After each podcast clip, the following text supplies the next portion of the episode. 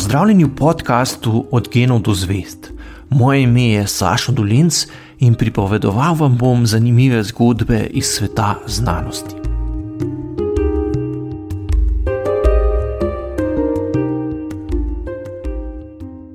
V znamenitem prizoru kultnega filma Matrica, vodja upornikov Morfej pred glavnega junaka Nea postavi modro in rdečo tabletko. Pojasni mu, da se v njegovem življenju ne bo nič spremenilo, če bo vzel modro tabletko, če pa se bo odločil za rdečo, bo spoznal svet, kakršen je v resnici. Čeprav se nam ob gledanju filma zdi, da se protagonist spopada predvsem z dilemo, ali sploh želi izvedeti resnico, se mora hkrati opredeliti še do nečesa drugega, kar je prav tako pomembno. Odločiti se mora, ali lahko zaupa Morfeju, da mu bo rdeča tabletka dejansko prikazala realnost, kakršna je v resnici, in ne nove lažne podobe o svetu. Vprašati se mora, kdo mu zagotavlja, da ima domnevni vodja upornikov dobre namene in ni v resnici zlobni agent, ki ga poskuša preslepiti. Na razmere, s kakršnimi se je v matrici soočil glavni junak, v vsakdanjem življenju naletimo precej pogosteje, kot si morda mislimo. Dogajanje seveda običajno ni tako dramatično in usodno kot v filmu, a še vedno gre za odločitve, ki so pomembne za vsakega posameznika in skupnost, v kateri živi. Vsak dan iz medijev in od ljudi, ki jih poznamo, slišimo nove pretresljive zgodbe in izvemo na vides pomembne informacije, za katere pa težko na hitro presodimo, ali dejansko držijo. Zato je utemeljeno vprašanje, ali morda obstaja kakšno univerzalno pravilo, ki bi nam lahko pomagalo ob takšnih dilemah. Običajen nasvet je, da je dobro zaupati strokovnjakom.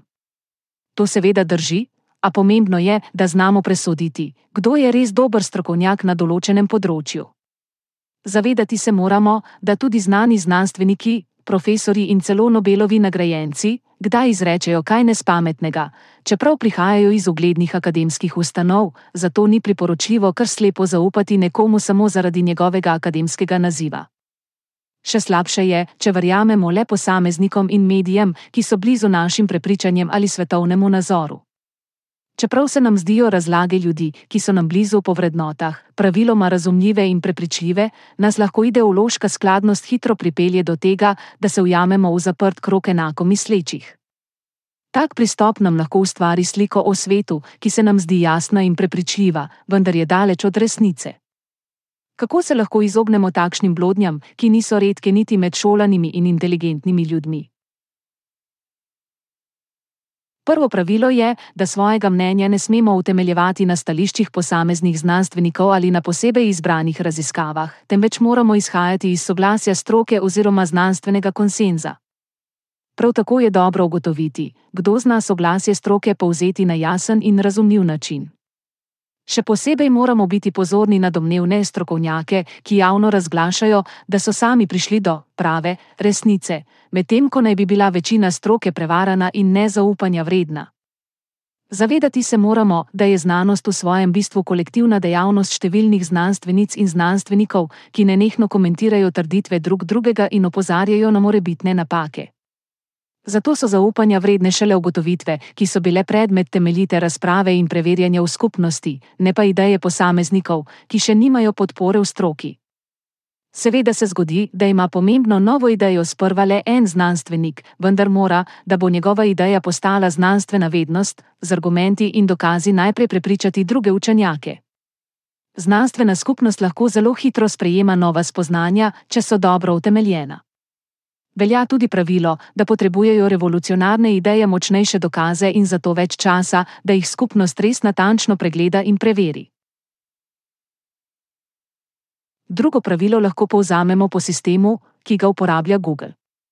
Ključna zamisel, na osnovi katere so razvili zelo učinkovit iskalnik, je bila, da so povezave med spletnimi stranmi uporabili kot glasove pri ocenjevanju, kateri zadetki so kakovostnejši in zanesljivejši. Zelo poenostavljeno povedano poteka vrednotenje zadetkov tako, da algoritem upošteva število in kakovost povezav na posamezno stran ter tako določi pomembnost spletnega mesta. Kako bi lahko ta pristop uporabili pri preverjanju zanesljivosti virov, ki smo jim izpostavljeni v vsakdanjem življenju? Najpreprosteje je tako, da preverimo, komu zaupajo ljudje, o katerih menimo, da imajo dober pregled nad določenim področjem oziroma tematiko. Pozanimamo se, na primer, katerim virom zaupajo zdravniki, ko iščejo odgovore na zdravstvena vprašanja, ki niso neposredno povezana z njihovim delom. Tretje uporabno pravilo lahko povzamemo po skupnosti, ki ustvarja Wikipedijo.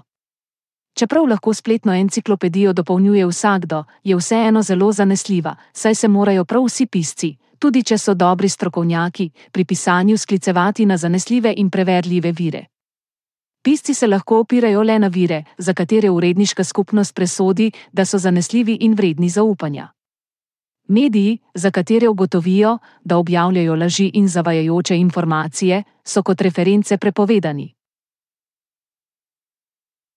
V praksi je pomembno, da vse tri predlagane pristope smiselno združimo, sledimo virom, ki jim zaupajo strokovnjaki z posameznega področja, smo skeptični do informacij v medijih, v katerih objavljajo neresnice in zavajanja, ter poskušamo ugotoviti, kakšno je skupno poenoteno stališče znanstvene skupnosti. Opisane tri metode sicer niso tako preproste kot čarobna tabletka v filmu, vendar so pomembne in uporabne zato, ker niso odvisne od posrednikov, ki bi jim morali brezpogojno zaupati.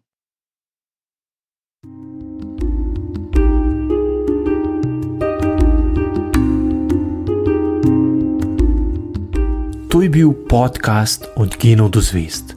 Moje ime je Saša Dolence in z novo zgodbo se vam oglasim že k malu.